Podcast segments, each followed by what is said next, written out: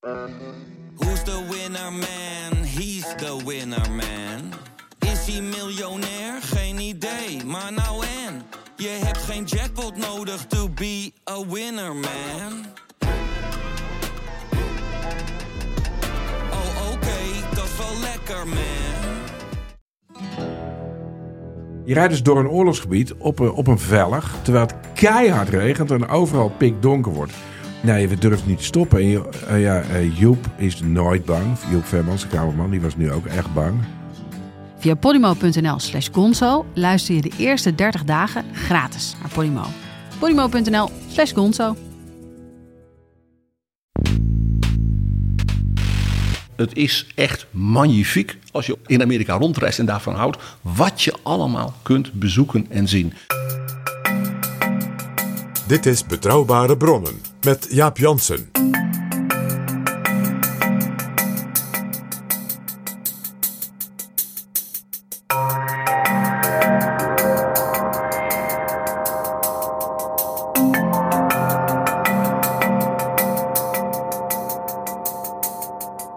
Hallo, welkom in Betrouwbare Bronnen, aflevering 281. En welkom ook PG. Dag Jaap. PG, we hebben een gast. Opnieuw Yes. is bij ons Pirmin Oldeweghuis, Amerika-kenner.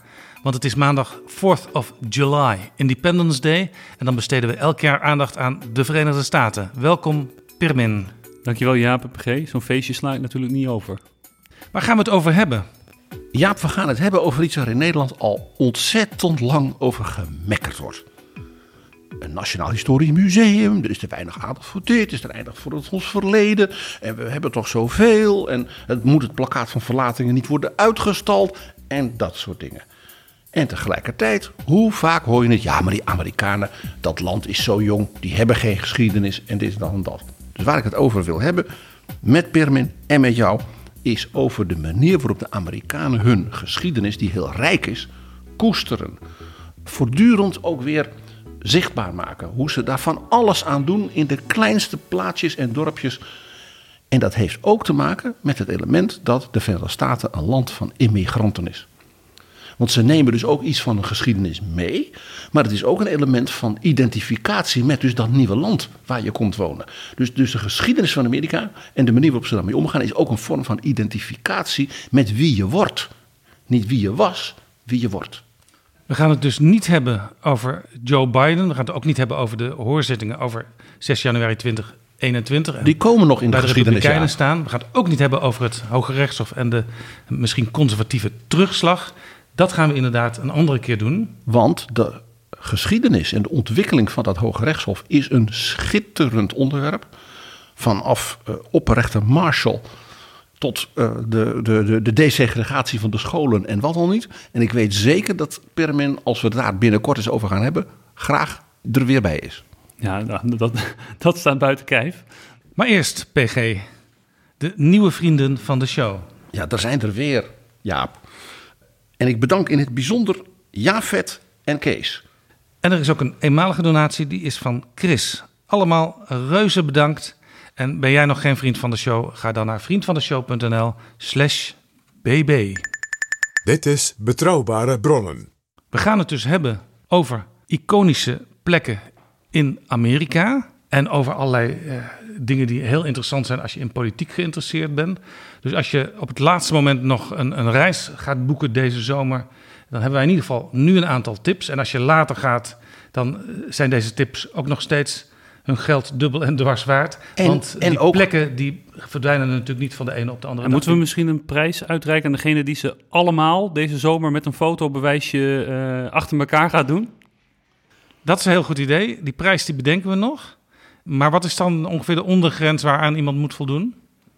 Ja, nou ja, ik zou zeggen allemaal. Hè. Dan, dat is de hoofdprijs. Laten we daar maar op Ja, maar houden. allemaal is oneindig. eh, Nee, alle, alle die genoemd worden deze Oh, die we noemen. Ja, Oh, Oké. ja. Ja. Heb je wel een roadtrip te pakken van weet ik hoeveel duizend mijl, maar... eh, Eh, dat denk ik wel, ja. Dat denk ik wel, ja. Ik ben ooit van Washington DC tot San Antonio, Texas en weer terug in 18 dagen. Dus het is te doen. Eh, ik heb treintrips gedaan. Nou ja, Pirmin weet dat. Van Chicago via Santa Fe, Los Angeles, Los Angeles, San Francisco, San Francisco, Denver, Denver, Chicago. Zullen we, 10.000 zullen we- kilometer Zullen op de we trein. nu dan maar vast de, de prijs bepalen? Ik stel voor een biografie van een Amerikaanse president naar keuze. Dat mag je dan zelf als prijswinnaar bepalen. Waar zullen we beginnen, Pirmin? Ja, gezien de thematiek van eh, de 4th of July, de onafhankelijkheid van de Verenigde Staten, is het denk ik een, een mooie plek om te beginnen, is Philadelphia. En eh, Philadelphia is de plek eigenlijk waar alle debatten over die onafhankelijkheidsverklaring, waar ook later ook over de, over de grondwet zelf. In welke periode praten we nu? We praten nu eh, mid-eind eh 18e eeuw. Dus een soort van in de periode, laten we zeggen, tot het echt wat, wat eh, intenser werd tussen 1750 en dan 1776. En dan daarna de grondwet eh, richting, de, richting 1800. En in de zomer van 1776, want hè, dat was ook met oog op dat de wegen begaanbaar waren, kwamen dus de gedelegeerden uit al die dertien staten, Engelse koloniën waren dat, bij elkaar in Philadelphia. Want dat was, dat was de stad op dat moment van, zeg maar, aan die, aan die oostkust van, hè, van de Engelse koloniën. En daar kwamen ze bij elkaar in het huis van de gouverneur. Eh, en daar hebben ze met elkaar gepraat. En toen hebben ze dus eh, eh, de heel jonge Thomas Jefferson en de wat oudere jurist uit Boston, John Adams, die hebben ze gevraagd: kom met een ontwerptekst waar we het eens over kunnen worden, waarin we dus zeggen: wij willen onafhankelijk worden, wij zweren als het ware die koning George III af. Naar voorbeeld van natuurlijk het plakkaat van verlatingen van de Nederlandse Republiek. Dus die mannen zijn gaan zitten en die zijn gaan schrijven en schrappen.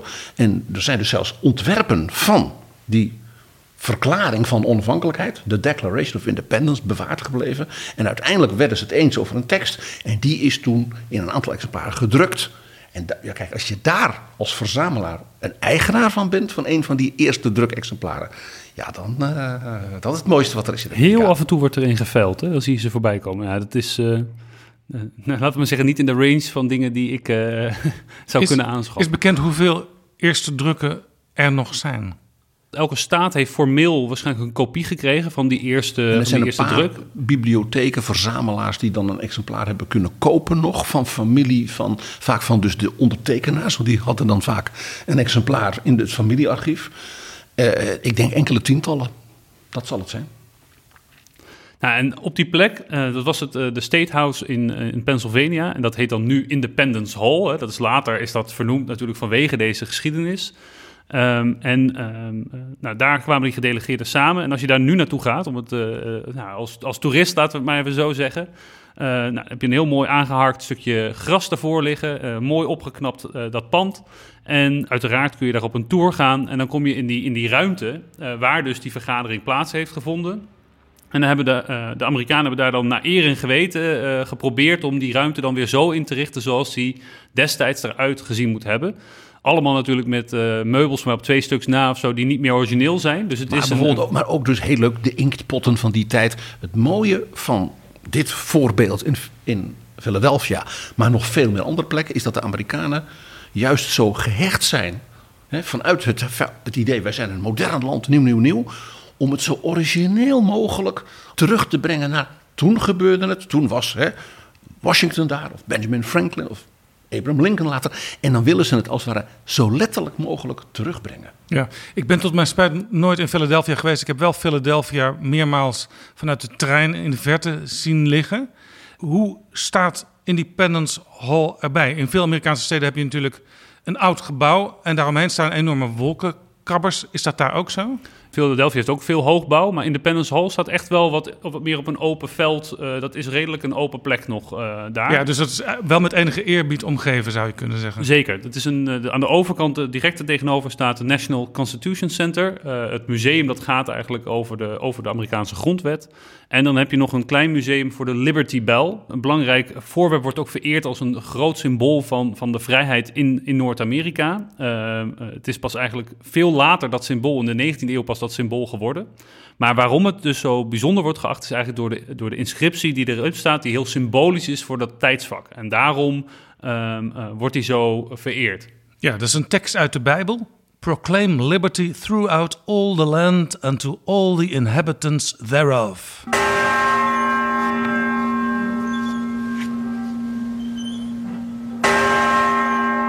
Let Freedom Ring, the annual symbolic ringing of the Liberty Bell, took place today at Independence National Historic Park. The famed bell was tapped 13 times this afternoon by descendants of some of the men who signed the Declaration of Independence. The event was co hosted by the Pennsylvania Society of Sons of the Revolution.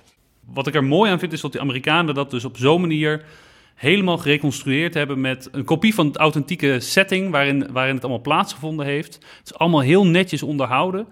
Men neemt een soort van verantwoordelijkheid om het verhaal te vertellen uit die tijd, inclusief de mythes en legendes die daar ook omheen uh, zitten. Het is natuurlijk een bepaald verhaal dat neer wordt gezet over die onafhankelijkheid, over de vrijheid. Het is, het is sterk gerelateerd aan, het, aan een nationaal bewustzijn. Maar dat heeft ook wel weer iets, iets typisch Amerikaans en iets moois. En uh, nou ja, wat mij betreft zeker een plek die het aanraden uh, waard is. Uh, ja, een, een, tour door Independence Hall is echt zeer aan te bevelen. Persoonlijk zeg ik erbij dat de Constitution Center, dat museum gewijd aan de grondwet, die dus als het ware elf jaar later ook weer in Philadelphia, in datzelfde Independence Hall, hè, is men toen gaan zitten om die grondwet te maken. Dat Constitution Center is zeer de moeite waard, omdat ze daar eigenlijk elk artikel van de grondwet als het ware uitleggen. Dus zeggen van wat betekent nou dat beruchte tweede artikel over uh, dat je wapens mag dragen. Wat betekent het feit dat je zegt er is no established religion, er is geen staatsgodsdienst, wat men natuurlijk bij de, onder de Britse koning wel had. Dus, dus er wordt voortdurend bij elk van die artikelen wordt wat uitgelegd. Wat betekent dit in die tijd? En hoe gaan we sindsdien daar als Amerikanen, als burgers mee om? Dus het maakt die, die grondwet ook een letterlijk en figuurlijk levend document. Ja, zij verzetten zich dus tegen de Britse koning in feite. Misschien toch wel opmerkelijk dat die, die tekst uit de Bijbel op die bel wel afkomstig is uit de Bijbel, de officiële Bijbel van de Britse koning. Omdat koning James, Jacobus, natuurlijk hoofd van de Anglikaanse kerk was. Dus de officiële vertaling van de Bijbel moest als het ware voor alle Britten zeg maar, goedgekeurd worden door het hoofd van de kerk. En dat was de koning. Ja, zo'n beetje vergelijkbaar met de Statenbijbel in Nederland. Ja, dat is de Statenbijbel van de Anglikaanse kerk. En die werd dus door de protestanten in de Verenigde Staten als Britse onderdaan natuurlijk ook aanvaard. PG, we hebben natuurlijk een aantal afleveringen gemaakt over de burgeroorlog in betrouwbare bronnen. Abraham Lincoln was daar een hoofdrolspeler. Ja, van Lincoln heeft men, daar is heel veel in Amerika. Eigenlijk alles wat aan Lincoln doet herinneren, daar heeft men een, een soort monument van gemaakt. Inclusief het treinstationnetje waar hij voor het laatst de, zijn, zijn buren toesprak. Het depot. Zelfs dat is nu gereconstrueerd, waarbij die speech die hij hield, een heel ontroerende speech overigens, op de muur is geprojecteerd. Nou, zo doen de Amerikanen dat. Maar het allermooiste van Lincoln is natuurlijk het stadje Springfield in Illinois, wat de hoofdstad nu nog, nog is van die staat. De staat van Chicago onder andere de grote stad is. En in Springfield was hij advocaat en lid van het Huis van uh, afgevaardigde van de staat Illinois. Zowel zijn woonhuis als dat advocatenkantoor, als zeg maar dat kapitool waar hij dus vergaderde met zijn collega's, heeft men in oorspronkelijke staat helemaal gereconstrueerd. Dus toen er een nieuw kapitool werd gebouwd voor moderne grote staten rond 1890, heeft men het kapitool van 1825 niet afgebroken, maar in ere hersteld en helemaal gereconstrueerd. Ook weer van binnen met de inktpot en alles. Zoals het was toen de jonge Abraham Lincoln lid van het Huis van Afgevaardigden was. Inclusief de kleine britsjes, waar dus de slavenkinderen in de trappenhuizen moesten slapen tijdens de nachtelijke vergaderingen. Zelfs dat kun je daar zien. En je loopt daar dus in een parlement van nou ja, 1835. Dat is dus heel bijzonder. Nou, dat advocatenkantoor is leuk, want je komt dus in een winkel. Nou ja, uit uh, de, zeg maar de, jongere jaren van, van Lincoln, dus 1850. En zijn woonhuis, inclusief dus uh, ze hebben de wc achter in de tuin. Uh, en ze hebben zelfs de, de, het behang van mevrouw Lincoln, die erg van mooie dingen hield, uh, hebben ze dus gereconstrueerd. Ze hebben dus teruggevonden wat voor behang was dat. Dat heeft men allemaal gereconstrueerd. Ook dus de slaapkamers van de kinderen. Uh, de, het, zeg maar het kantoortje wat Lincoln hield om zijn, om zijn dingen te schrijven. de parlor van mevrouw Lincoln. Alles helemaal in oorspronkelijke staat hersteld. Ook weer typisch Amerikaans. Niet alleen het huis dus van Lincoln, maar ook de huizen van zijn buren en zelfs het trottoir van die tijd, want dat was modder met dus houten planken. Dus dat hebben ze helemaal zoals het in zijn tijd was. Dus je bent echt helemaal, nou ja, bij Lincoln thuis. Vanuit Chicago, hoe lang doe je er dan over?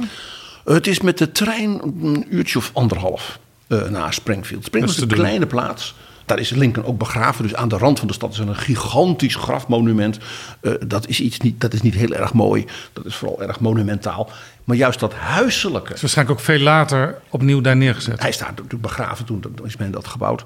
Het mooie ervan vind ik dus het dorpse en huiselijke van.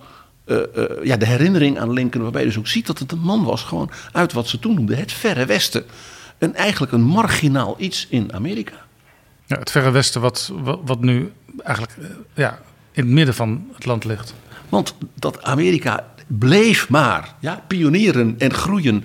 En, en, en, en Lincoln heeft natuurlijk ook door zijn beleid en zijn politieke visie daar een enorme bijdrage aan geleverd. dat idee dat Amerika een manifest destiny had. dat, Lincoln was ook de man die zei: die spoorwegen, die moeten, dat was in de burgeroorlog, die spoorwegen moeten worden gebouwd tot in Californië. Want we moeten verder, we moeten verder. Ondanks die burgeroorlog. De man had echt een, een continentale visie. PG, als je het hebt over de plek waar iemand zijn thuis had, uh, dan kunnen we natuurlijk ook niet om Martin Luther King heen.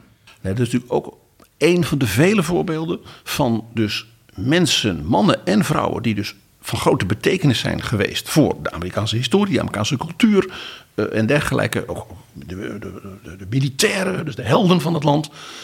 dat men het geboortehuis en dat soort dingen vaak dan na iemand zijn dood uh, tot een monument maakt. Ja, conserveert, zoals ja. de Amerikanen dat letterlijk noemen. En ook als het ware weer hersteld, uh, hè, zoals ook bij Lincoln. Dat hebben ze in Atlanta dus ook gedaan. Atlanta, met, Georgia. En Georgia, met Martin Luther King. En het bijzondere is dat ook is weer is een heel complex. Net als bij Lincoln. Want dat geboortehuis, dat is natuurlijk, dat is in feite natuurlijk het huis van zijn ouders. Dus van Daddy King, zoals je het noemt, die net als Martin Luther, die heette ook Martin Luther. Maarten Luther, hè, dus, en was net als zijn zoon predikant. De Ebenezer kerk, die staat naast dat huis. En die kerk die wordt dus nog alle zondagen gebruikt, maar is in feite zelf natuurlijk nu ook een monument van de burgerrechtenbeweging. En daarachter is zijn graf in een soort waterpartij waar een prachtig wit marmeren graf staat met, uh, uh, nou ja, met zijn naam erop. En dat is echt een, ja, dat is een plek waar mensen ook echt bloemen komen brengen. Is dat dan ook bij uitstek de plek waar je een keer zou moeten zijn op Martin Luther King Dag? Ja, dan is daar ook een grote manifestatie altijd. Dat is ook heel bijzonder. Ook rondom dat centrum, dat Martin Luther King Centrum, organiseert dan ook altijd van alles. Maar ook daar weer het mooie, zeker voor ons als Europeanen, is dus het huiselijke. je komt daar in dat huis en dat is dus een middenklasse, een zwarte middenklassebuurt. Uh, waar dus die dominee ja, ook een kamer had met zijn bibliotheek. En ze hebben dus ook helemaal weer met ook geschenken van de familie. Uh, dus uh, kinderspeelgoed van, van Martin Luther en zijn broertjes en zusjes. Ook dus hoe, nou ja, hoe was zijn slaapkamer? hoe was de keuken? Dus helemaal ben je als het ware weer in, een, ja, in het huisgezin van een zwarte middenklasse van nou ja, 1940. En dat maakt het dus ook heel tastbaar en herkenbaar. En dat is op zich wel grappig, want we hebben nu drie kleine sidestep uh, met jullie toezien. Maar je hebt nu de drie soort van Jefferson uh, rondom die Declaration. Uh, dan hebben we Lincoln gehad. En, en, en natuurlijk MLK nu, Martin Luther King. Zulke grootheden dat die dan ook weer een soort van. Die, dan wordt geconserveerd op de plek waar ze vandaan komen. Maar dat zijn toevallig ook drie. Die dan een heel groot, pompeus monument hebben gekregen in de hoofdstad, in Washington DC, langs de National Mall. Dus er staat een groot standbeeld voor MLK. Een uh, misschien nog wel groter gebouw voor, voor Jefferson.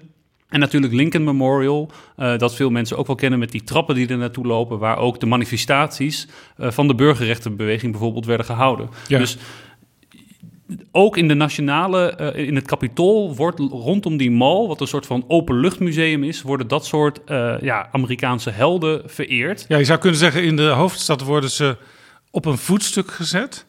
En uh, op hun originele geboorte- of, of woonplekken, daar kun je eigenlijk zeggen waar ze humbly vandaan kwamen. Ja, hun ja. roots, hun, hun, het gezin, de buurt, letterlijk ook ja, de straat waar ze opgroeiden. Dat men dus ook die huizen van de buren ook reconstrueert. Terugbrengt naar nou ja, 1850, 1940.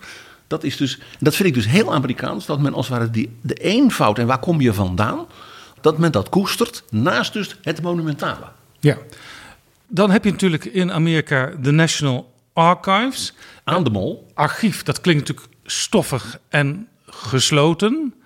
Uh, maar in Amerika weten ze hoe ze hun pronkstukken daar moeten positioneren. Je kunt een week vakantie houden alleen aan de mol. In die zin, het is het politieke centrum. Hè? Het Capitool staat aan de mol, het Witte Huis.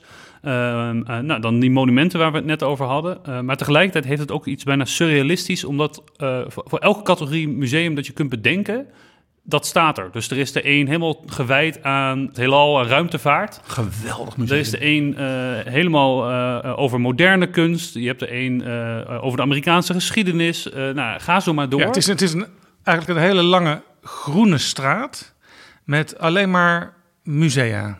Monumenten, musea. Er is een museum helemaal gewijd aan de herkomst, de cultuur, de geschiedenis van de Native Americans. Dat is een van de nieuwe musea. Er is een prachtig museum, beetje aan de zijkant. Kent niet iedereen, gewijd aan Aziatische kunst. Nou, de collectie daar, miniaturen uit Mughal, India, dat heeft zijn gelijke bijna niet. Maar ook Chinese uh, kunst, Japanse kunst.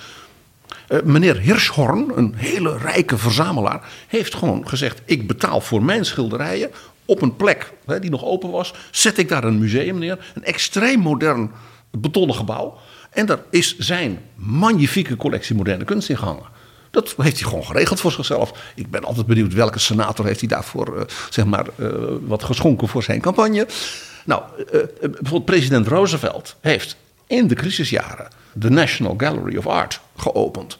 En die is gevuld met schenkingen van de grote rijkste Amerikanen, bankiers en dergelijke. Dat waren allemaal mensen die haten Roosevelt. Roosevelt heeft dus het IRS, hè, bekend van Nina Olson, hè, dus de Amerikaanse Belastingdienst, op die mensen afgestuurd. Heeft gezegd: als jullie nou aan dat nieuwe museum bijvoorbeeld eens honderd schilderijen van Van Gogh en zo schenken, dan is de president wellicht bereid dat onderzoek te staken. Dus die mensen hebben allemaal enorme geschenken gedaan. En Roosevelt, brutaal als hij was als politicus, heeft dus een schitterende toespraak gehouden over het belang van de kunst voor de samenleving en voor Amerika. En hij dankte die mensen allemaal voor hun patriotische gebaar dat ze die schilderij hebben geschonken. Iedereen wist dat ze allemaal met de pest in het lijf stonden, want dat was gewoon chantage van de president geweest. En de National Archives zijn ongeveer in het midden van de mall. En dat is een gebouw met een hele grote koepel. En om, in die koepel beneden, dus helemaal, helemaal half rond, daar staat in het midden, uh, ja, in een soort schrijn, de oorspronkelijke tekst van Jefferson en Adams van de Declaration of Independence. Daar is ook het originele eerste exemplaar van de grondwet, hè, We the People. En een van de originele exemplaren van het Magna Carta. En de Bill of Rights. En de Bill of Rights. De grote constitutionele documenten zijn daar in hun origineel bij elkaar gebracht zwaar bewaakt. En daar zie je dus hele schoolklassen. Hè, dat is ook heel Amerikaans Die gaan daar allemaal heen. En dan mag je allemaal er even bij staan. Maar wat het allermooiste, wat ik persoonlijk het mooiste vind, is die, dat half rond. Om de nou, maand, twee maanden, wordt wat daar uitgestald wordt aan originele documenten vervangen. Om te voorkomen dat dat vergeeld raakt. Dus als je in Washington bent, ga altijd naar de archives. Er ligt altijd weer iets wat je nog niet gezien hebt. En daar zie je dus dingen. Mag ik een voorbeeld geven?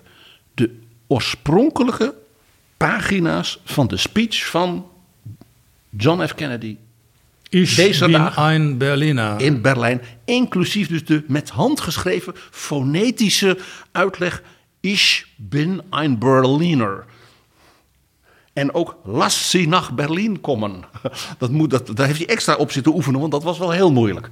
Maar bijvoorbeeld ook, want die hadden ze er toen naast als twee iconische teksten, de speech van Reagan, Mr. Gorbachev, open this gate, Mr. Gorbachev, tear down this wall. En dan zie je een heel andere speech, want dan zie je dat is in hele grote letters afgedrukt. Want Reagan moest eigenlijk een hele zware bril dragen. Maar ja, als Hollywoodster liep je natuurlijk niet met een bril met hele dikke glazen. Dus Reagan's speeches waren altijd heel groot afgedrukt. Dat zie je dan ineens. Je ziet nu Reagan wel eens terug in oude filmpjes, als hij bijvoorbeeld uh, vlak voordat hij op televisie gaat, dan zit hij nog even te lezen met, met wel een dikke bril op. Ja. Maar dat zagen de kijkers niet. Nee, want het was natuurlijk toch een ster.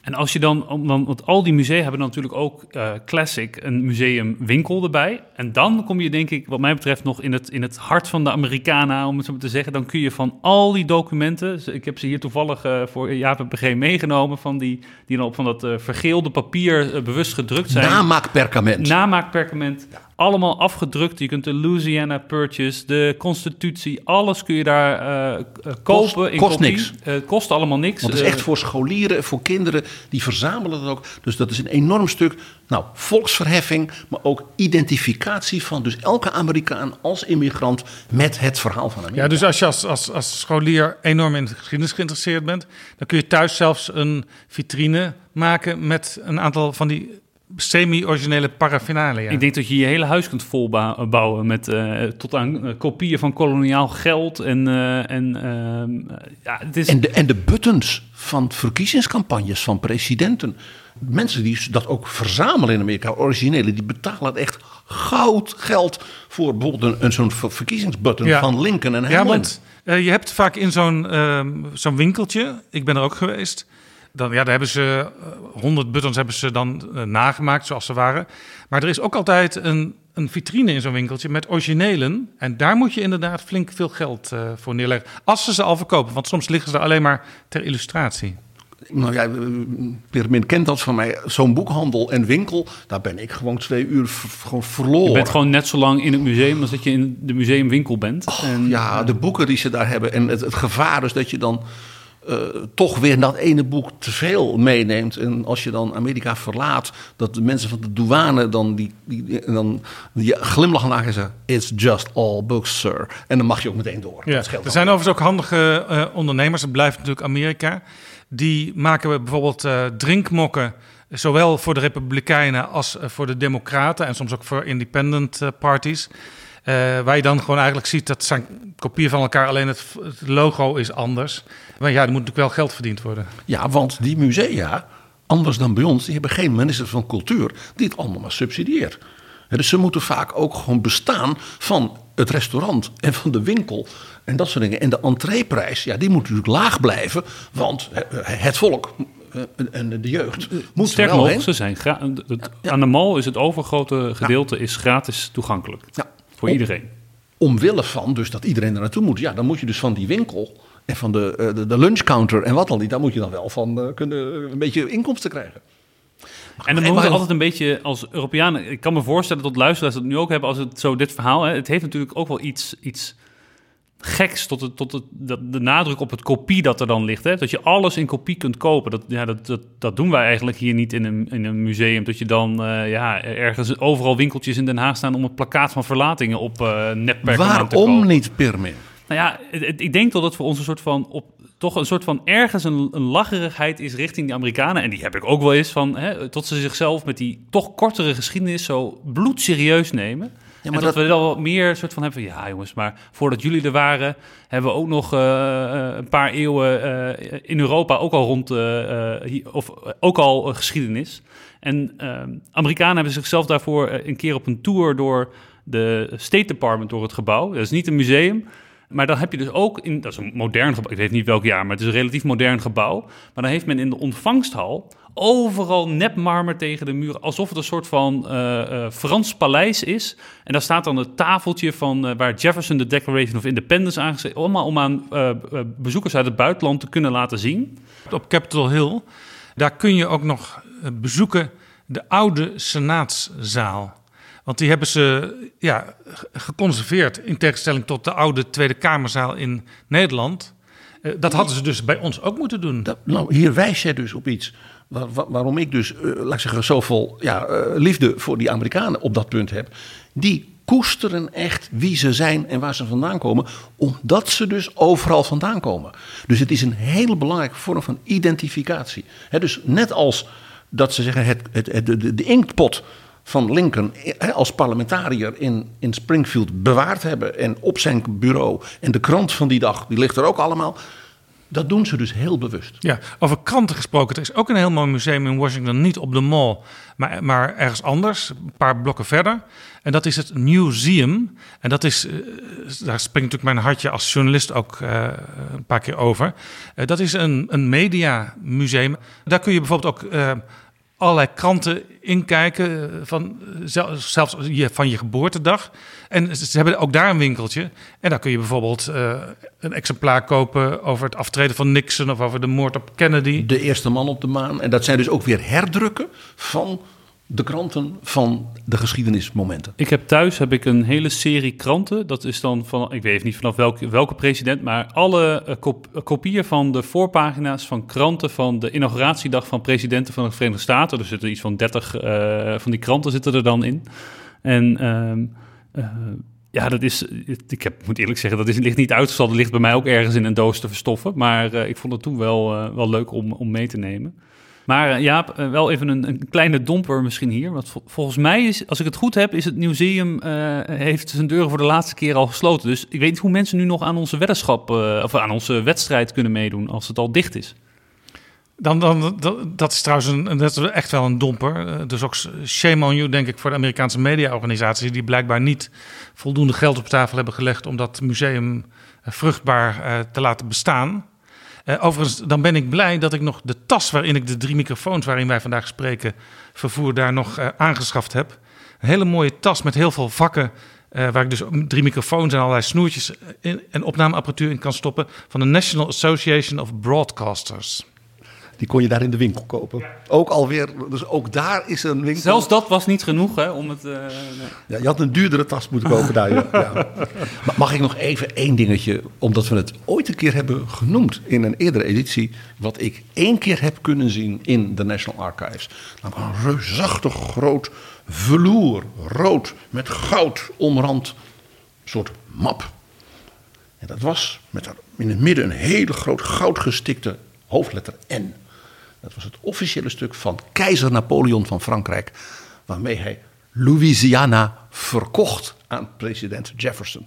Voor En zoveel toevallig miljoen dollar. het kopie ligt hier gewoon op verouderd parkement naast ons. Dus Maar het was verpakt, dus de, presi- de, de, de, de l'empereur had het in een, in een schitterend ding. Jij gaat dan toch niet heel gedaan. erg eh, netjes met de historie om, want je hebt het in acht stukken gevouwen. Je hebt het blijkbaar in je kontzak of zo ergens een keer meegenomen. nee, helaas, zo wordt het verkocht in van deze gekleurde envelopjes. Oh ja, Dus oké. is, eh, Je moet eigenlijk eh, met- op een hele voorzichtige manier met handdoeken erover en zo proberen te strijken. En dan wordt het weer bijna als origineel. koop ik hier op, op het Lange Voorhout een, een, een oude, oude schilderij op de antiekmarkt. en dan haal ik, plak ik dat erin en dan kan ik hem daarna weer verkopen.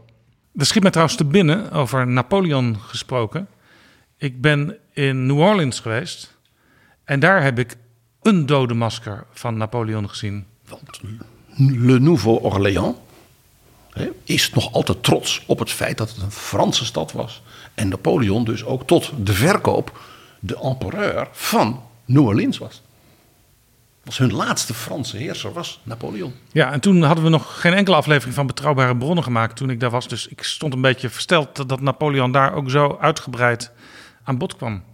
Jij snapt nu waarom. Als je naar het stratenplan kijkt van New Orleans, want het is natuurlijk een beetje City of Sin is het imago, hè, met, die, met eh, feesten en weet ik wat allemaal. Maar het contrast is daarom des te mooi. Dat als, het is echt als een verlichtingsstad bedacht, dus conceptueel met de straten allemaal keurig recht. Dus dat zie je ook in het gedeelte waar dus wat echt Frans van origine is. Ja, daar, daar zijn de stra- straten ook eh, vaak tweetalig. In ieder geval Fr- Franstalig in hun oor- oorspronkelijke En naam. sterker nog, zelfs een derde taal. Het staat er ook in het Spaans bij. Omdat het ook nog een periode onder Spaanse heerschappij viel.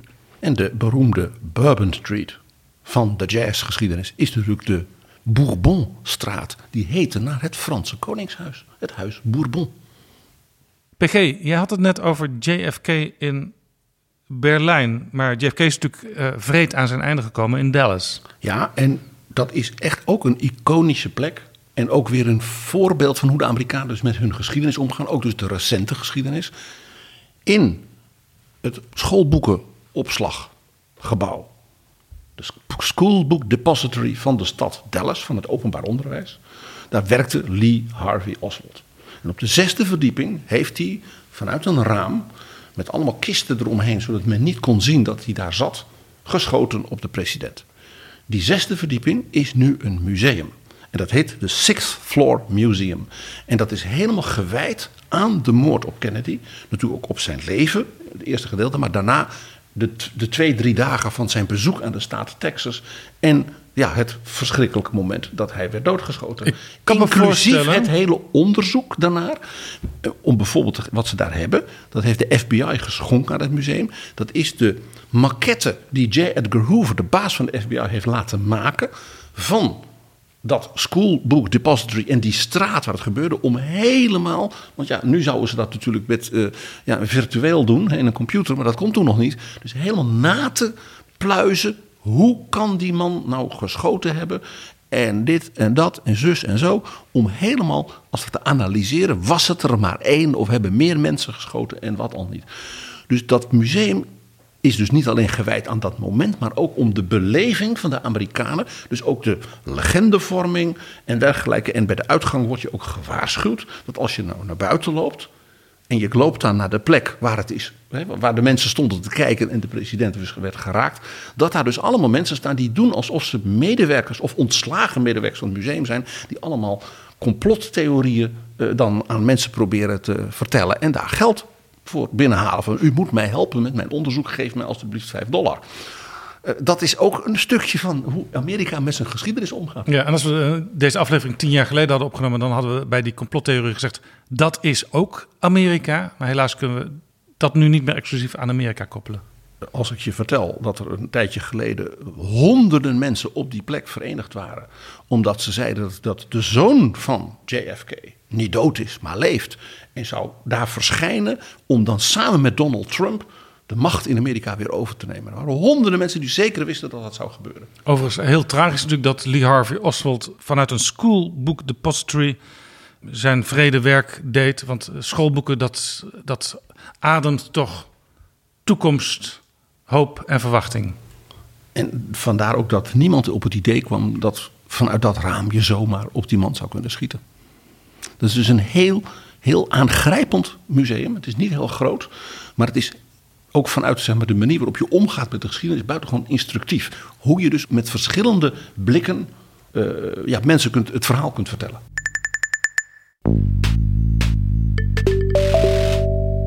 Dit is Betrouwbare Bronnen, een podcast met betrouwbare bronnen. En mijn bronnen zijn in deze aflevering Pirmin Oldeweghuis en PG Kroeger. En we maken een tocht door Amerika langs plekken waar je als eh, politieke junkie ooit in je leven geweest moet zijn. Tenminste één keer.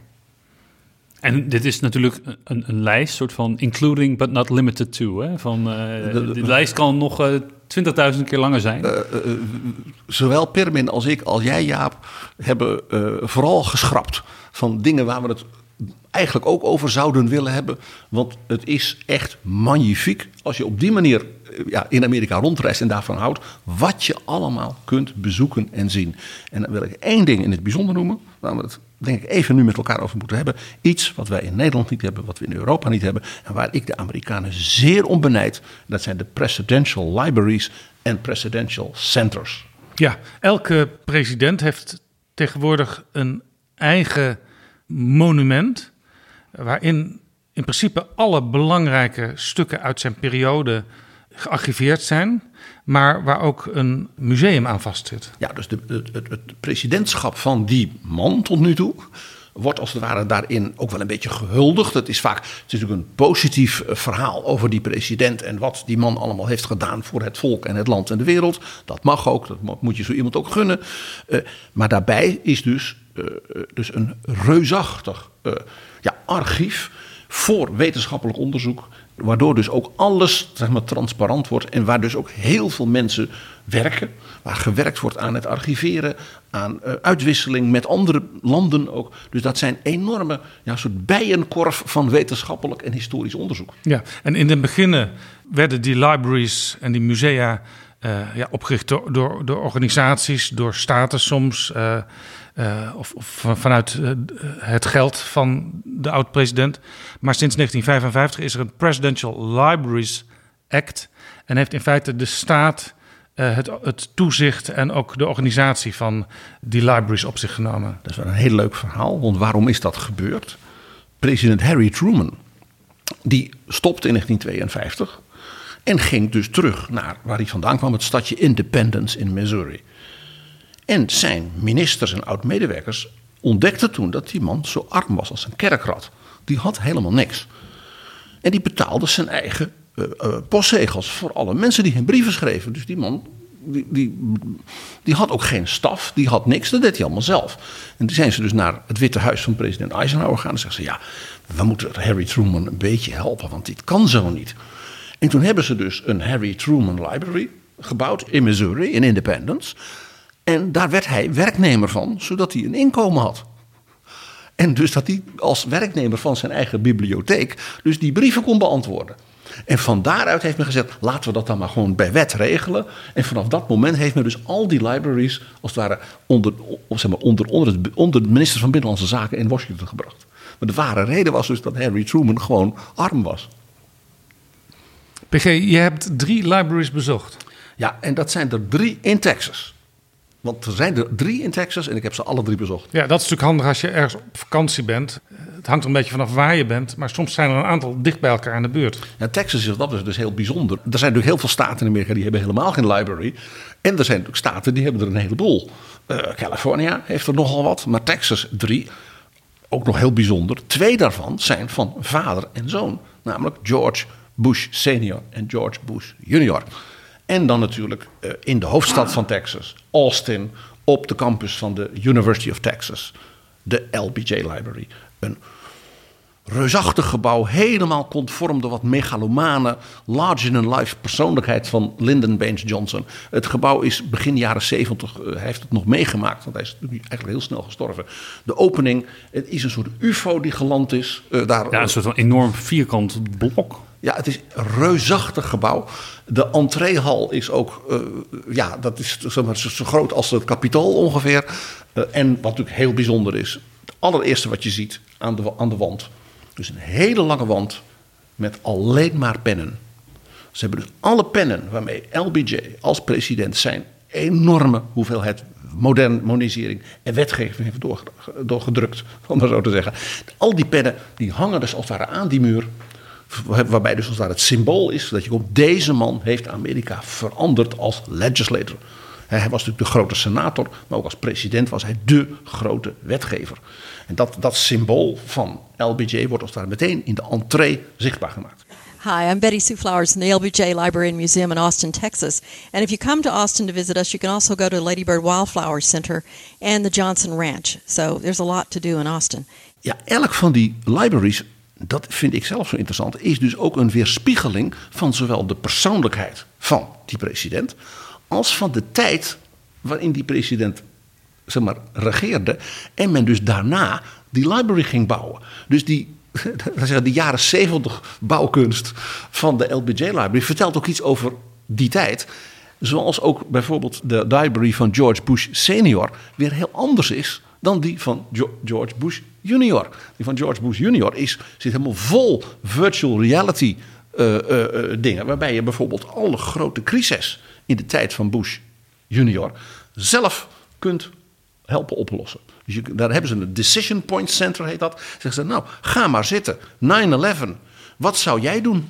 This summer... Make your family vacation matter by visiting the George W. Bush Presidential Library and playing the wildly popular game the kids will be talking about all year long Decision Points. Decision Points lets you pilot the ship of state and illuminates the tough choices President Bush faced during his presidency. Dus dan kun je al die opties. Katrina, nou dat ging niet helemaal goed hè, met de president. Maar jij, zou jij het beter doen? Maar ik ben daar, ja, want inderdaad, dat, ik, ben wel, ik ben daar niet geweest. Uh, dus ik ben wel benieuwd, PG, als ik ook een vraag mag stellen. Van, uh, wordt daar dan ook een beetje kritisch op, op teruggekeken? Nou, dat is het interessante.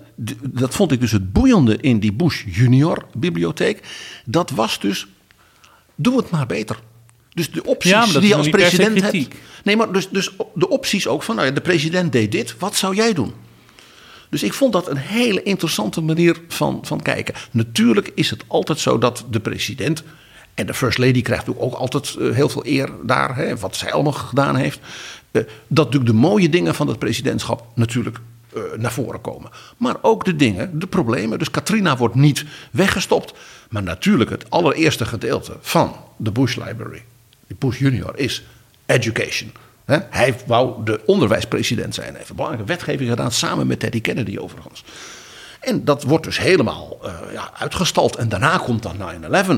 Natuurlijk. En dan komt natuurlijk de bevrijding van de meisjes in Afghanistan. Ja, zo wordt dat natuurlijk gebracht. En Irak, ja, wordt gezegd, we hebben verhinderd dat die slechterik van Saddam Hussein allemaal nare dingen ging doen. Dat, ja, eh, dat hoort erbij. En natuurlijk bij Bush senior, ja, die is maar één termijn president geweest. Dus daarin wordt eigenlijk zijn enorme politieke carrière voordat hij president wordt geweldig uitgebreid getoond. En ligt natuurlijk de nadruk daarop uh, de val van de muur, de ondergang van het communisme en natuurlijk de Eerste Golfoorlog, hè, dus Kuwait en het verslaan van uh, Saddam Hussein. Dat, dat, en natuurlijk ook uh, de nadruk van de familie Bush altijd op public service.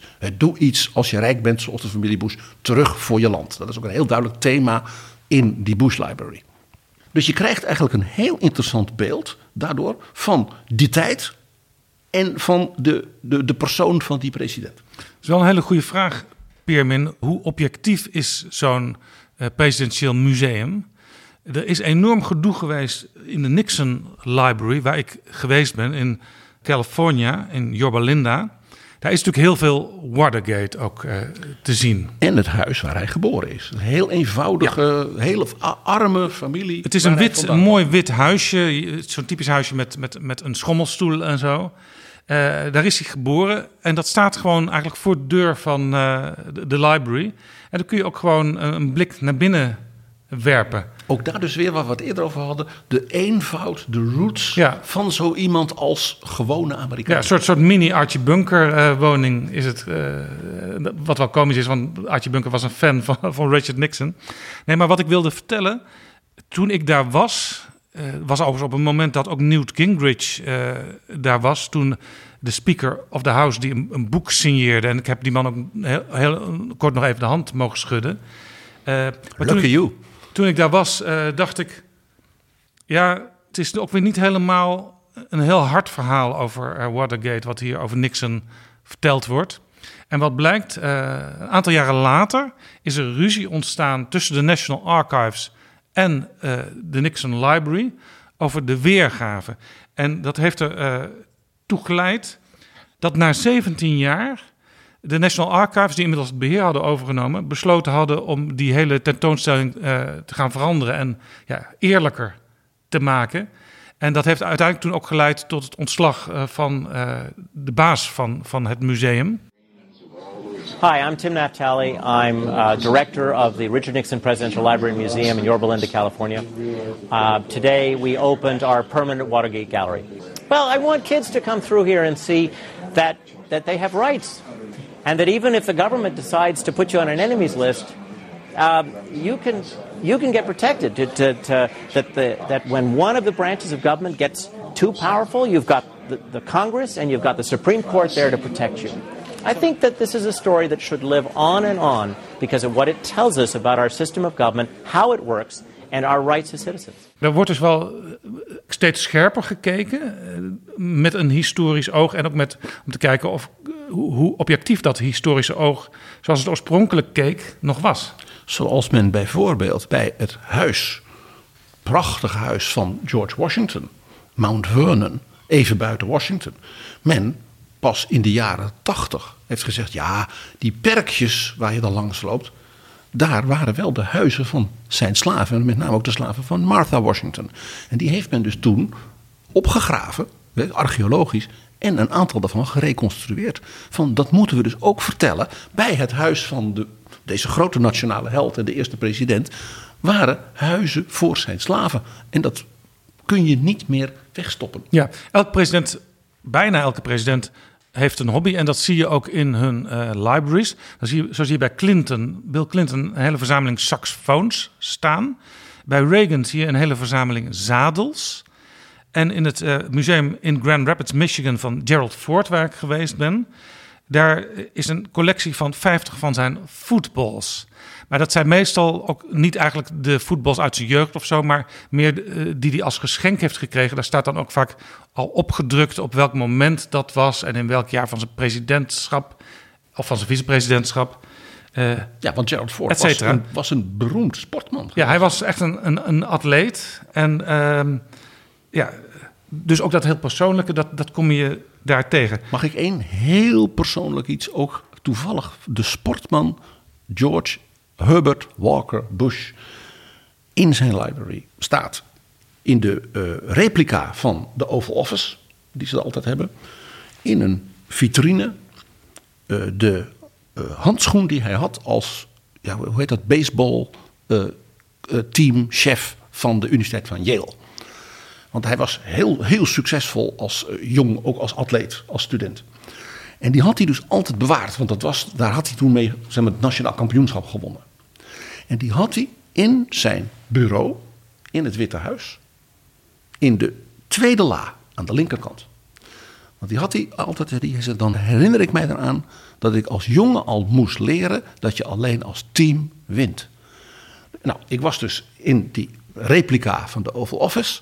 En toen zeiden ze, meneer, gaat u maar zitten. Dus ik heb achter dat bureau, bureau gezeten. Zeiden ze, en doe de tweede la links maar open. En daar lag dus een replica van die handschoen. Ja. Want dat was een heel persoonlijk symbool van hoe die man aankeek tegen leadership. Ja, vrijwel altijd, ik denk eigenlijk altijd, kun je in zo'n library ook een replica vinden van de Oval Office. Met precies dezelfde vloerbedekking en dezelfde gordijnen. En dat zijn de originelen. En de president schenkt dat aan zijn voorganger. Ja, nog even over het Gerald Ford uh, Library. Die is in Michigan, hè? Ja, in, in, in Grand Rapids. En daar. Heel Hollands. Toen ik daar was, ik weet niet of het nu nog is hoor, maar toen ik daar was, hing aan de muur een dag uit het leven van de president. Een aantal uh, zwart-wit foto's. En uh, wat schetst mijn verbazing?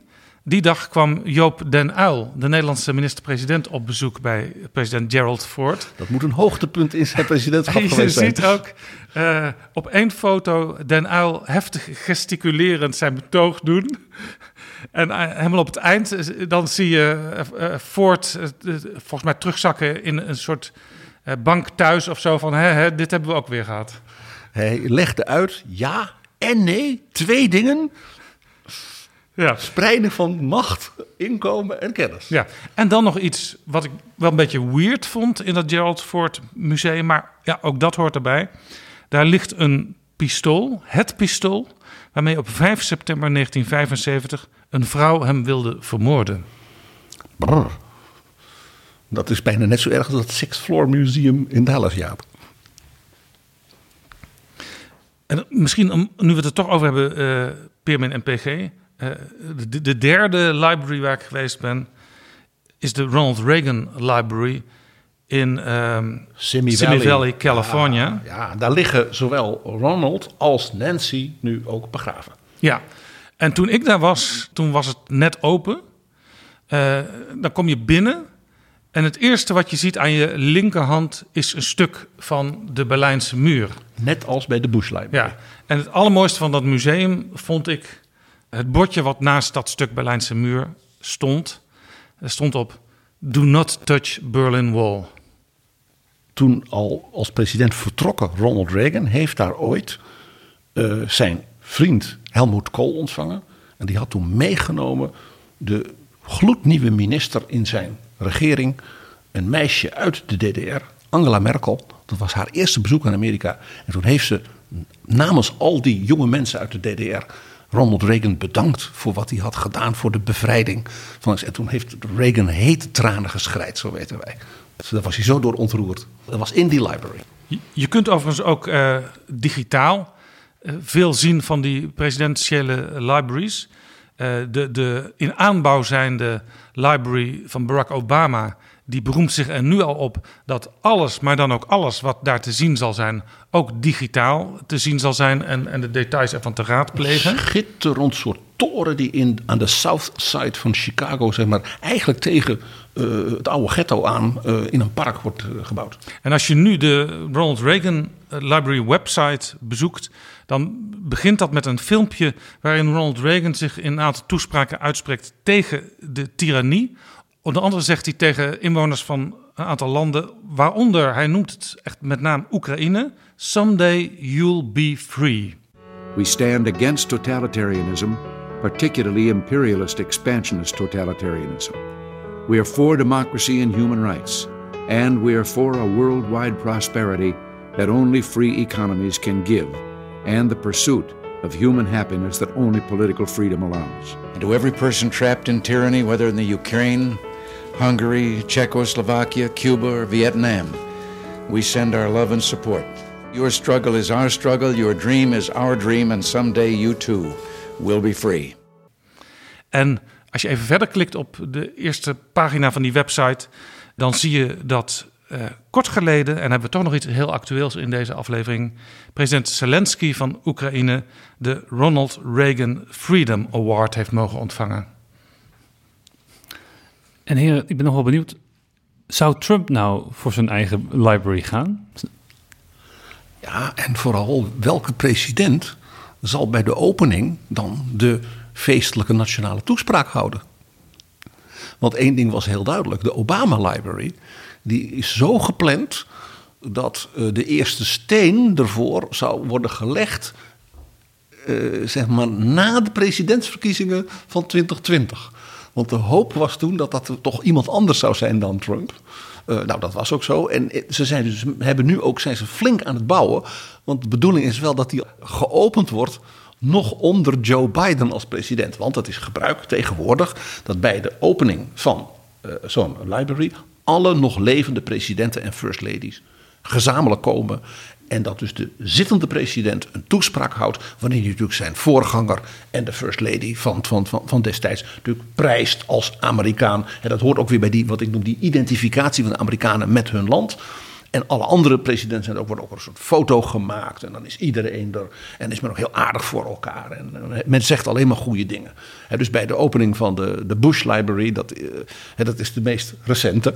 Uh, was dus ook niet alleen vader Bush, de, de, bejaarde vader Bush en Barbara Bush. Maar ook de Obama's en, en, en de Clintons. En die waren er allemaal. Die waren er allemaal. En, dat, en dan is men heel vriendelijk voor elkaar.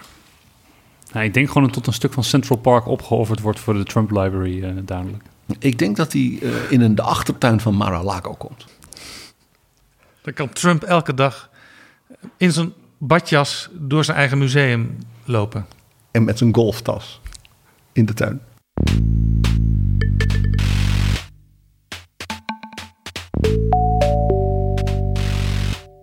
We praten over Amerika. We hebben het gehad over iconische plekken die je als politieke junkie niet alleen zou kunnen, maar zeker zou moeten bezoeken. We hebben het gehad over presidential libraries. En waarom hebben wij dat niet hier? Ik wil er nog eens een keer vurig voor pleiten dat we bijvoorbeeld ook vanuit de EU, Europees, op die manier de identificatie met wie wij zijn, waar we vandaan komen, waar we naartoe willen, zichtbaarder maken. Waarom is het Huis van Drees aan de Beeklaan in Den Haag niet een Willem Drees centrum? Waarom is dat niet? Wat, wat, wat is dat voor ja, mag ik zeggen, kneuterigheid. Zo. Waar zullen we het in het laatste deel van deze aflevering over hebben? Nou, mijn gedachte was, Jaap, om een aantal plekken in Amerika op soms hele, zeg maar, weinig toeristische plaatsen aan te stippen. Dat je zegt, en dat is zo uniquely American. Dat je zegt, alleen de Amerikanen kunnen het bijna bedenken om daar op die plek of aan die gebeurtenis aandacht te schenken. Ook weer vanuit dus besef wie je bent, waar je vandaan komt. Ja, en een van die plekken waar ik dan een, een lans voor wil breken is Pittsburgh in Pennsylvania. Uh, Philadelphia ligt helemaal aan de kust en dan uh, helemaal aan de andere kant van, van Pennsylvania vind je Pittsburgh. En dat klinkt natuurlijk in eerste instantie als een beetje een willekeurige plek ja, daar in de bossen. Um, maar het is een, historisch gezien een hele belangrijke plek, omdat twee grote rivieren daar samenkomen om de Ohio-rivier, die nog groter is, te vormen, die uiteindelijk weer uitmondt in de Mississippi. Dus het laat zien uh, voor het waterwegensysteem in de Verenigde Staten een, een heel belangrijk kruispunt. Ja, hier hebben we het ook over gehad in een van de afleveringen over de burgeroorlog, hoe belangrijk die rivieren zijn. Nou, en het, thema blijft oorlog, want in de oorlog eigenlijk eh, tussen eh, de Fransen en de Engelsen, nog dus voor de onafhankelijkheid, was dat een heel belangrijk strategisch punt, waar men de hele tijd stuivertje wisselde. Hè. Er kwamen de een kwam met 600 soldaten aan, en die vochten dan weer, en dan kwam de ander met 1000. En de, de getallen waren niet heel erg indrukwekkend. Uh, maar dat heeft allemaal daar uh, plaatsgevonden rondom uh, wat nu Pittsburgh is. En daar hebben dus ook, nou, daar stond er een Frans fort en weer een Brits fort. En aan die geschiedenis, het is een, prachtige. De, de, plek zelf is niet heel indrukwekkend. Het fort staat er niet meer en je kunt wel wat dingetjes bekijken. toeval was toen ik er op bezoek was, was dat samen met een Brit. Dus dat is een extra, ja, toch een soort van historische ironie als je er dan natuurlijk bent. Um, um, jij, jij ging ook een beetje Frans praten? Nou ja, uh, hij heeft daar vooral, heeft hij, ik, ik, ik, weet dat er een hele mooie foto is waar hij nog een Britse vlag die daar uh, bij, bij een soort van altaartje voor, voor William uh, Penn of zoiets voor mij staat. Daar omhelst hij de Britse vlag en daar hebben we een mooie foto van genomen. Um, maar je kunt daar op die plek, is natuurlijk wel een klein museumpje en het een en ander kun je daar bekijken. Het is tevens de plek waar George Washington fameus, nou niet letterlijk die plek, maar heel dichtbij fameus de enige nederlaag ooit in zijn militaire carrière heeft geleden als, uh, als legeraanvoerder in, in, in, het, in het Britse uh, koloniale leger. Um, en, maar eigenlijk, die plek, hè, dat is natuurlijk een. Je kunt daar zelf gaan kijken, maar het mooiste wat je kunt doen is aan de overkant van de rivier omhoog gaan met een, een ja, een soort van een, een railkarretje. dat daar tegen de kliffen aan omhoog gaat. En dan heb je een prachtig uitzicht over dat strategische punt. Je kijkt, um, uh, je ziet dan eigenlijk die twee rivieren helemaal samenkomen en dan verder stromen in de Ohio. Met dan voorop dat park waar het fort heeft gestaan en dan daarachter de skyscrapers van de stad Pittsburgh. Nou, dat is een fantastisch mooi plekje om te bekijken. En dan gegeven de, ja, de, de, willekeur van de plek, maar tot daar die Europese grootmachten daar vochten. En ook voor een gedeelte uiteindelijk in die oorlog is het, is het lot beslecht dat Noord-Amerika uh, in ieder geval tot aan de Mississippi-rivier Brits werd. Nou, dat, de, de histori het historische gewicht van die plek maakt het dan als Amerikanist een, een, nog extra bijzonder. En als je dan toch in Pittsburgh bent, ga dan naar het Andy Warhol Museum. Want Andy Warhol uit Slowakije, Routenië, dus, dus Oekraïne, ja. Slowakije. Hij heet Oekraïne, Warhola. Warhola. En die familie behoort tot die enorme hoeveelheid mensen uit Oekraïne, uit Polen, uit Slowakije, die daar als mijnwerkers in de loop van de late 19e eeuw zijn gekomen. Uh, de familie heeft als het ware ter herinnering aan de grote kunstenaar. Daar aan, in die stad, dus niet in New York, maar in de stad, ook weer de roots hè, van de familie, uh, de, hebben de collectie geschonken. En dat is een fantastisch museum. Pittsburgh, wat verder helemaal geen toeristische stad is. Ik zeg altijd, ga er wel heen, want het, het is heel erg echt Amerika. Als je in Philadelphia bent, kun je dan met de trein makkelijk naar Pittsburgh? PG is degene die uh, alles met de trein doet. En ik ben iets, ja, het is niet zo CO2-bewust misschien, maar de American Road Trip uh, met de auto door Amerika rijden, dat is. Dus ik, ik zou niet weten hoe de treintijden tussen uh, ja. vast. Nou ja, het, het, het, het, is interessant, vind ik, als je met de auto rijdt, dan zie je hoe uitgestrekt dat land is. Hè? Dat, je, dat je echt ja, een halve dag eigenlijk niemand tegenkomt. Uh, het is ook zo leeg. En dat elk dorpje uh, vaak maar bestaat uit één straat met een schooltje wat misschien uit twee klassen bestaat, uh, een bakker en een general store, een kruidenier, misschien een, een, restaurant met een café en dat is het dan. Ja, en dat is zeker als je met de trein rijdt.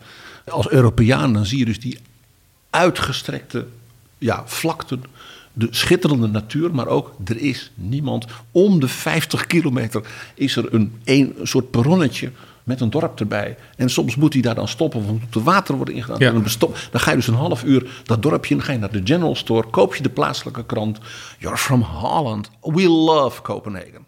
Nou ja, en wat, ik, uh, wat, wat mij ook opviel, want uh, ik ben een radiofreak. Als je in grote steden, New York, Chicago, et cetera bent dan zit er echt op elke eh, millimeter van de radioschaal zit een radiostation op de, op de FM. En ook wel op de AM, maar Amerika is heel erg een FM-land. Uh, maar als je eh, in dat minder bewoonde gebied reist, dan moet je echt zoeken op de radioschaal. Waar kan ik nog ergens nieuws of muziek horen? Ja, ik ben bijvoorbeeld met de trein door de staat Montana gereden. Die is zo groot als Duitsland. En daar wonen 600.000 mensen. En dan doe je gewoon een dag rijden door Montana.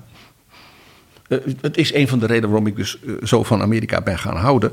Even over die forten van Permin.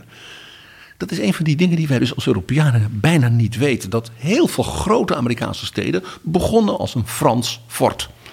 Natuurlijk be- bekend, de naam zegt het al, Saint-Louis, de heilige Lodewijk, dus de koning van Frankrijk, St. Louis. Maar wist je dat Chicago ook begon als een Frans fort? En denk je, maar waarom heet het dan Chicago? Omdat de Indianen die daar woonden, die Fransen uitlegden dat, bij dat riviertje, wat dan in Lake Michigan aankwam, dat heette natuurlijk nog geen Lake Michigan, dat noemden ze Chicago. Dat betekent lenteuitjes en knoflook. maar ze dachten, de Fransen dachten dat dat zo heette. Maar ze wezen erop, dat kun je daar, dat kun je daar lekker halen. En de stad Chicago heet dus naar een misverstand van die Franse soldaten met de, met de inwoners aan de kust van dat meer. En zo heeft Amerika dus heel veel Franse Detroit. achtergronden. Detroit, ja, Detroit. Eh, nou ja, Le Nouveau-Orléans hadden we al genoemd. Eh, er is heel veel Frans, dus in die binnenlanden van de Verenigde Staten. Eh, eh, Eau Claire, in de staat Wisconsin, in de staat Minnesota, heel veel Franse namen. Nou, wat betreft die, dat uniek Amerikaanse zoals Pittsburgh, eh, wil ik toch ook even een, een, een lans breken voor toch weer de, de staat Texas. Dat is al de tweede lans die er gebroken wordt in deze Ja, aflevering. dat, dat, dat, dat, het kan niet anders. Eh, Everything is bigger in Texas, hè? Everything is bigger in Texas. Ja. Dus ook het, eh, de, de, de, de- het soort presidenten dat ze geleverd hebben. En dan moeten we natuurlijk Lyndon Baines Johnson noemen, LBJ en zijn Lady Bird. Nou, van LBJ is dus niet alleen die library daar, er is ook de LBJ Boyhood Home. Ook weer dus die eenvoud, de roots van zo iemand. Een heel gewoon huis. Ze hebben de hele buurt eromheen ook eh, als het ware eh, gereconstrueerd. Inclusief de windmolen voor, voor, de, voor, het, voor de waterpomp. eh, de, de boerderij van de achterburen. Je loopt dus als het ware door het Texas van 1910 daar. Heel erg leuk. En het heet daar Johnson City. En dan denk je, ach ja, zo, zo kennen we de... Nee, dat was een hele andere Johnson... die al lang daar veel eerder in de vroege 19e eeuw was begonnen met een boerderij. En dat was ook geen familie. Maar goed, Johnson City en dan LBJ's Boyhood Home. Iets van 20 kilometer daarbuiten. En dat is echt een volstrekt uniek iets. Dat is de LBJ Ranch. Die heeft hij gekocht van zijn tante... Eh, daar heeft hij dus een, dat werd dan de Texas White House genoemd. Daar verbleef hij als hij niet in Washington was. Daar was hij ook heel veel. eh, dus daar was ook een, eh, zelfs een, soort huisje van de geheime dienst om hem te bewaken. Eh, daar is echt alles wat van Johnson was, en dat was allemaal natuurlijk larger than life, is daar bewaard. Inclusief zijn amfibische auto, waarmee die mensen dan rondrijdt. En dan deed hij alsof hij met zijn auto in de rivier terecht kwam. Maar die auto bleek dan te kunnen zwemmen. Eh, hij had daar dus ook zijn Air Er Force. zijn ook foto's van. Ja, ja, er zijn foto's van, die, die zal ik, bij de, zal ik op, op Twitter zetten. Daar is ook het, het vliegtuigje Air Force Half. Je hebt natuurlijk Air Force One, maar ook Air Force Half. Dat was een klein vliegtuigje waarmee hij dan van Austin, waar, Air, waar Air Force One kon landen, vloog eh, in een half uur naar zijn ranch. En dat vliegtuigje, dat kun je, daar kun je dus ook in.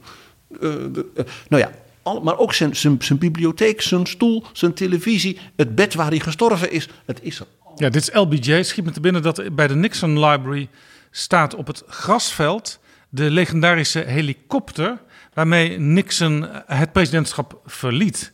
En die helikopter die is door meer voorgangers van Nixon gebruikt. Maar op de een of andere manier heeft het museum dus voor elkaar gekregen om ja, toch dat tragische moment, die helikopter eh, daar in hun museum te kunnen plaatsen. Ja, dat is dus ook het, het, het mooie van dus dit soort ja, typisch eh, uniek Amerikaanse dingen. Dat men dus zulke objecten als het ware ook ja, letterlijk en figuurlijk een plek weet te geven. En als je het dan hebt over vliegende dingen eh, die te maken hebben met Johnson, dan moet je in Texas, dat PG, toch nog even wat eh, extra Texas. Extra Texas. eh, is het eh, LBJ Space Center ten zuiden van Houston. Waarin, Geweldig. nou ja, ik, ik, ik heb er zeker geen verstand van, maar ik vind het altijd fascinerend om, om, om die, ja, die, die dingen te zien die we de, de ruimte hebben geschoten met mensen erin. Eh, ook soms, eh, ja, de succesverhalen kennen we, maar het is ook behoorlijk wat tragiek die erbij komt kijken.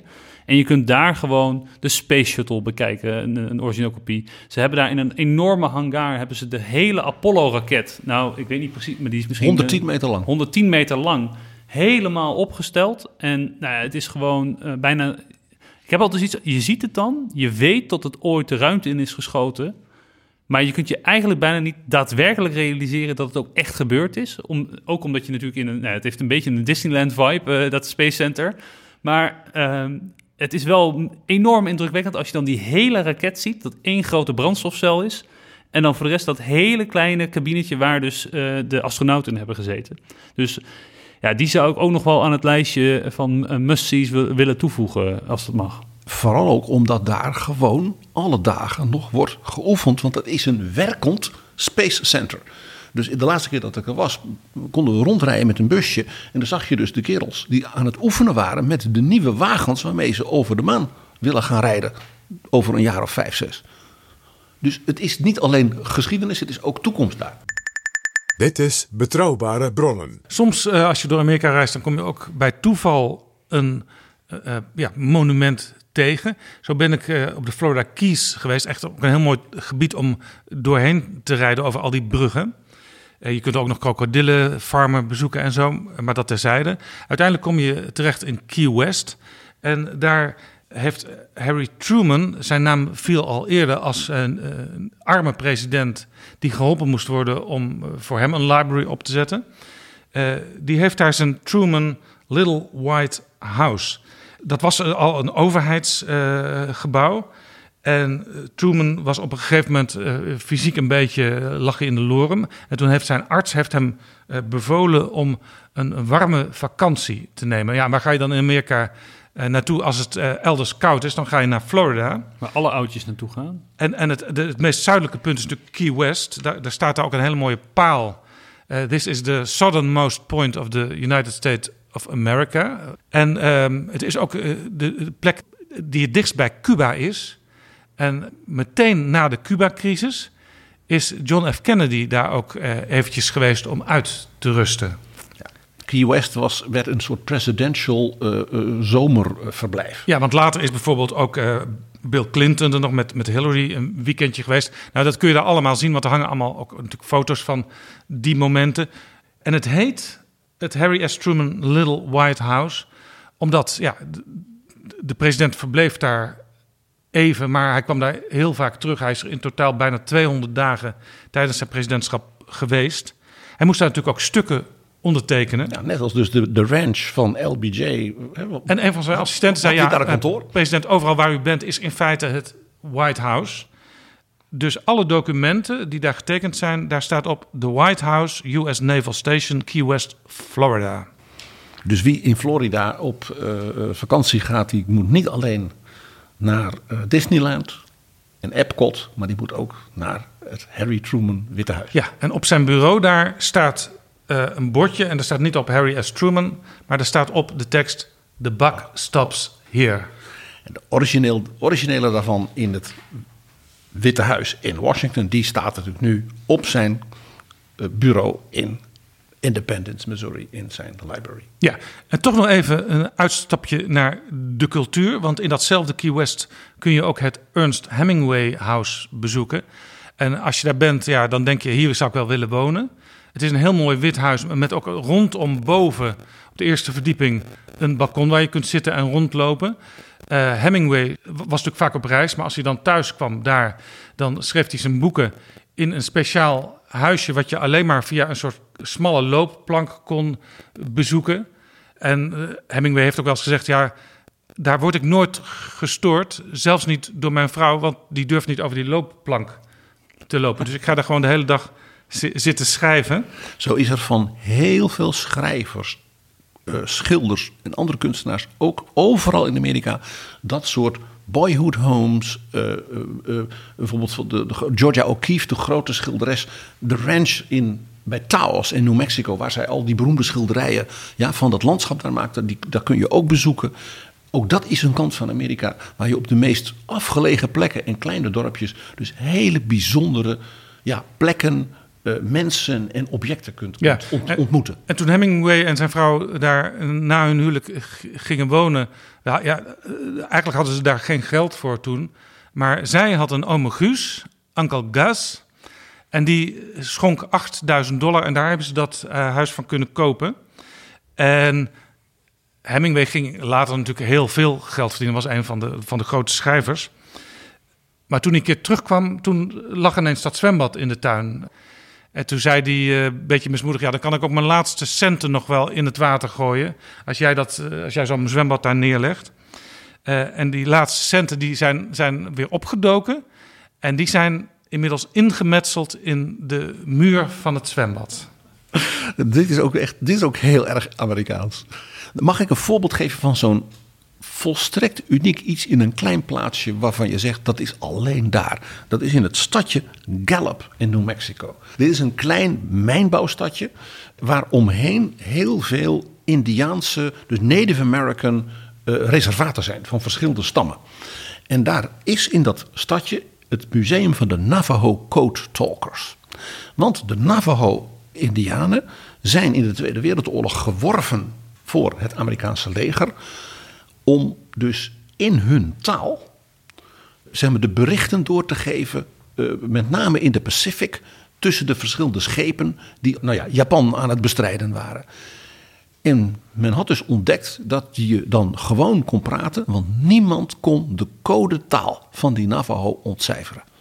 Dus dan hoefde je niet als het ware heel ingewikkelde uh, zeg maar, elektronische codes te hebben. Je liet de Navajo met elkaar praten. Dat is tot geloof ik 25 jaar na de Tweede Wereldoorlog geheim gehouden. Daar mochten ze niet over praten dat dat gebeurd is. Dus dat waren ja, helden van Amerika waarvan niemand wist. En toen dat dus bekendgemaakt werd, heeft men dus in dat stadje, ter ere van die veteranen, dat museumpje gebouwd. Dat is iets, dat vind je alleen in Amerika. In een klein stadje, er is een station, daarom dat ik er geweest ben met de trein, eh, een museum voor deze volkomen onbekende oorlogshelden. Nou, we toch in New Mexico zijn. Uh, we breken ook nog even een lans voor die bijzondere staat als het gaat om de geschiedenis. Het is natuurlijk de staat. Daar moeten we straks een apart museum voor oprichten voor al die lansen die er gebroken zijn in absoluut, deze aflevering. Absoluut, een hele lansen aflevering. Kun je de hele openingshal weer uh, mee vullen. Precies. De staat New Mexico is natuurlijk de oudste staat van Amerika, want de hoofdstad daarvan, Santa Fe, het heilige geloof, is dus de stad van de Spanjaarden vanuit Mexico, die dus zo zijn gaan exploiteren. Ja, dat, dat verbaasde mij ook als, als onwetende traveler, dat er ineens overal aan de westkust uh, missions waren. Dus missieposten van de Spanjaarden. Nou, uh, New Mexico zit er vol mee. De stad San Antonio, de heilige Antonius in Texas. Natuurlijk ook. Maar het, wel, het allerbijzonderste ding in de staat New Mexico is Chaco Canyon. Dat is een reusachtige ja, verzameling steden bijna. En cultische plekken van de uh, Anasazi. Dat is het, het, het, Indiaanse woord voor de voorouders. En dat is uit zeg maar, tussen de jaren 800 en 1000. Dus dat is meer dan duizend jaar oud. Die mensen die woonden daar en keken daarbij naar het heelal. Net als de Maya, waar ze dus ook heel veel contact mee hadden. En, en, en, en berekenden dus de kalender. Hè, net als ze dus in Mexico bij die stammen hadden. Dat gebeurde daar ook. En men heeft rond 1910 heeft men dus ontdekt dat daar in die kloof van Chaco, de rivier de Chaco, dat daar dus hele grote complexen waren. Die is men gaan opgraven. Uh, uh, je kunt daar uh, niet heen met OV of niks. Je moet door 30 mijl dirt road. Er is ook geen bestrating. maar als je daar eenmaal bent, dat landschap is natuurlijk magisch. Want men heeft natuurlijk zo in die kloof die steden aangelegd dat je als het de hemel kon kijken. En dat je aan de randen van de bergen aan de overkant konden ze dus bemetingen doen van wanneer kwam de planeet Venus daar en wanneer kwam dat sterrenstelsel daar. Het is echt een van de meest bijzondere dingen waar ik in mijn leven ben geweest. En dat is dus ook geschiedenis van Amerika uit de tijd dat wij bij ons Karel de Grote hadden en de vroege middeleeuwen. Maar 30 mijl dirt road, je moet dus zorgen dat je er naartoe gaat op een, op een hele droge dag. Dat je niet vast komt te zitten in de modder. Het is heel, heel uh, riskant, maar het is gelukkig heel erg woestijnachtig. Het is verschrikkelijk heet ook nog.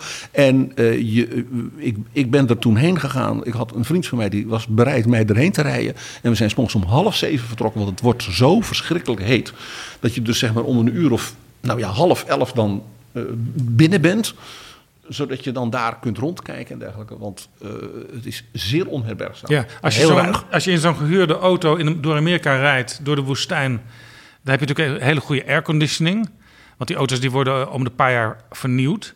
Maar als je dan uitstapt om bijvoorbeeld even een eh, flesje water te kopen bij een winkeltje, ja, dan ben je meteen helemaal nat als je buiten staat. Nou, in Chaco Canyon was het eh, ver boven de 40 graden. En dat is dus in een kloof. Dus je begrijpt, die hitte die blijft daar dus in hangen.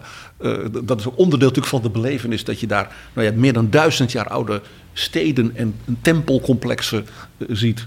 eh, laat ik zeggen, in een zo onherbergzaam en bijzondere omgeving. We zijn aan het einde gekomen van deze aflevering. Waar zullen we tot slot aandacht aan besteden? Zullen we dan nog even terug naar, naar eh, de aanleiding, het thema 4th, 4th of July. En eh, misschien de, wel de bekendste auteur natuurlijk, eh, eh, Thomas Jefferson. We hold this truth to be self-evident. Exact. En die heeft natuurlijk ook met zijn fascinatie voor ook het Europese, voor het Franse, heeft hij zijn eigen huis helemaal ontworpen. eh, ehm, allemaal ook met verlichtingsidealen in het achterhoofd. En dat En, en heel veel uitvindingen, want hij was een enorme uitvinder van allerlei, zeg maar, spulletjes voor handig eh, Als ik het even inrichten. niet verkeerd heb, ook is hij de uitvinder van de, de, de een soort van mechanisch twee eh, veren die aan elkaar zijn verbonden, waardoor je twee, eh, zodat je gelijk een kopie kon maken van hetgene dat je opschreef. Nou, dat huis is, dat is dus helemaal ja, neoclassicistisch gebouwd. Prachtig om daar te kijken ook. En, In de- Charlottesville. Virginia. En ehm, eh, zijn graf is ook al daar. En wat daar vind ik zelf ook wel mooi is, als je het hebt over de historische ontwikkeling van hoe men ernaar kijkt. Hè, echt de, de verering van Jefferson als een, als, een, als, een, eh, als een founding father, maar ook iemand van de verlichting. En als Eh, wetenschappelijk genie. maar tegelijkertijd nu ook, en daar komt wel meer aandacht voor, is ook het feit dat eh, ook daar de slaven die hij had, ehm, eh, ook woonden. En nou, die geschiedenis was eerder ook weer met, met perkjes en zo overgroeid. Hè? Mooi, mooi, en dat wordt dan nu ook wel weer langzamerhand teruggebracht. En eh, dat laat ook wel weer de complexiteit zien van een persoon als, als Jefferson. Die Ja. ook kinderen had bij een aantal van zijn slaven. Absoluut. En die die ook erkende. Kijk, onze, onze, ik denk alle beschrijvingen, wij, wij raken enthousiast van alles wat we natuurlijk nu laten zien. En ehm, eh, ja, ik denk ook wel van, vanuit de, de spirit van de 4th of July past dat ook goed. Ehm, maar je moet soms zelf ook wel bij die verschillende plekken de, de wat rafelrandjes eh, ook opzoeken en uitzoeken. En ehm, dat maakt het denk ik alleen nog maar interessanter om daarna, om daarna te eh, gaan kijken. Het, het toont ook dat hoewel wij dan als Europeanen wel eens denken... ach ja, die Amerikanen die hebben toch eigenlijk bijna geen geschiedenis... hoe complex die is en hoe elke generatie ook weer nieuwe dingen... in dat verleden ziet, herkent, confronteert... en misschien ook met zichzelf dus eh, in discussie brengt. Dat zie je bij MLK, dat zie je dus ook in Monticello, het huis van Jefferson Charlottesville. Een van de leuke dingen die men is gaan doen. Men heeft zijn aantekeningen als wetenschapper erbij gehaald. En heeft de tuinen die hij daar had aangelegd helemaal in hun oorsprong teruggebracht. Waar we het eerder over hadden. Hè, dat we doen het zoals, zoals toen. Waarbij dus alle perkjes van planten, kruiden, bloemen die hij dus onderzocht. Eh, waar hij dus alle dagen ook aantekeningen bij hield. Ook bij het weer en wat er in het heelal gebeurde en wat dan niet. Dat heeft men als het ware opnieuw zichtbaar gemaakt. Zodat je kon zien hoe die man dus voortdurend bezig was met als botanicus, als bioloog en eh, ja, als vriend ook van Alexander van Humboldt. Voortdurend bezig was te doorgronden hoe werkt het heelal, hoe werkt de aarde, hoe werkt de natuur. En dan nog één ding wat je niet moet vergeten daar. Het is een van de weinige plekken waar je, eh, waar je eh, als je iets koopt in de museumwinkel weer, hè, daar zijn we weer, is dat je eh, als je je wisselgeld goed weet uit te rekenen, is dat men daar in 2 dollar biljetten je terugbetaalt. En het 2 dollar biljet, zoals misschien luisteren weet, is niet een regulier biljet. Het is een biljet waar Thomas Jefferson op staat. En dat krijg je dus terug als je. eh, dat is dus een van de weinige plekken waar dat dus actief wordt teruggegeven als wisselgeld. Dus als je. eh, eh, nou ja, dat. Ja, verzamelobject, weet ik niet of het is, maar het is toch wel een grappige gimmick daar. Want je Dan kunt er zo- vervolgens in New York of in Chicago niet mee betalen. Jawel, ja, ja, ja. Oh, toch wel? Ja, ja. Maar er wordt er heel weinig van gedrukt, want hij wordt bijna niet gebruikt. Dat is het merkwaardige ervan. PG, jij eindigt vaak een aflevering met een stukje uit een opera. Nou heb ik de merkwaardige eigenschap dat tijdens dit soort gesprekken in mijn hoofd ook allerlei muziek opdoemt. Maar meestal muziek die in de, in de hitparade heeft gestaan. Zeezendermuziek. En nu eh, kwam in mijn hoofd, en dat wil ik eigenlijk doen, ook als opnieuw een bewijs wat wij vaak in de podcast ook weer aantreffen, dat alles met alles samenhangt. Er was ooit een Nederlandse groep, die heette Pussycat. Er waren meisjes uit Limburg, drie meisjes uit Limburg. En die hadden een plaat in de top 40, uh, was eigenlijk een ode aan Martin Luther King. En dat liedje heet Let Freedom Reign. Daar laat ik nu een stukje van horen. Alsof de Liberty Bell vanuit Limburg wordt geluid. Not long, a king said to me, I've seen the glory. Yes, I've seen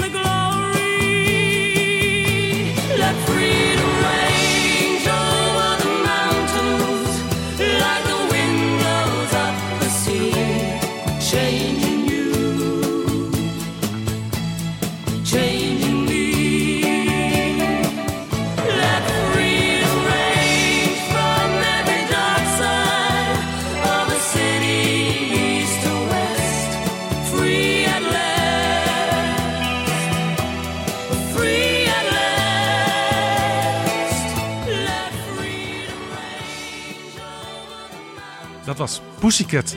En quizvraagje, weten jullie nog wat de allergrootste hit ooit van Pussycat was? Een hele grote hit, ongeveer halverwege de jaren 70. Want dan zijn we uiteindelijk weer terug bij een van de onderwerpen die we ook besproken hebben.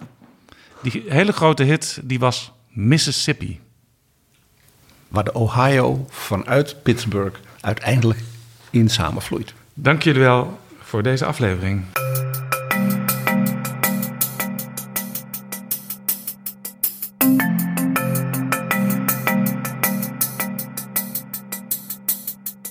Zo, dit was Betrouwbare Bronnen aflevering 281. Deze aflevering is mede mogelijk gemaakt door de vrienden van de show. Luisteraars die met een donatie, dat kan per maand, kan per jaar, kan ook eenmalig, nog veel meer afleveringen van Betrouwbare Bronnen mogelijk maken. Wil jij ons ook helpen? Ga dan naar vriendvandeshow.nl slash bb. Tot volgende keer. Betrouwbare bronnen wordt gemaakt door Jaap Jansen in samenwerking met dag en nacht.nl.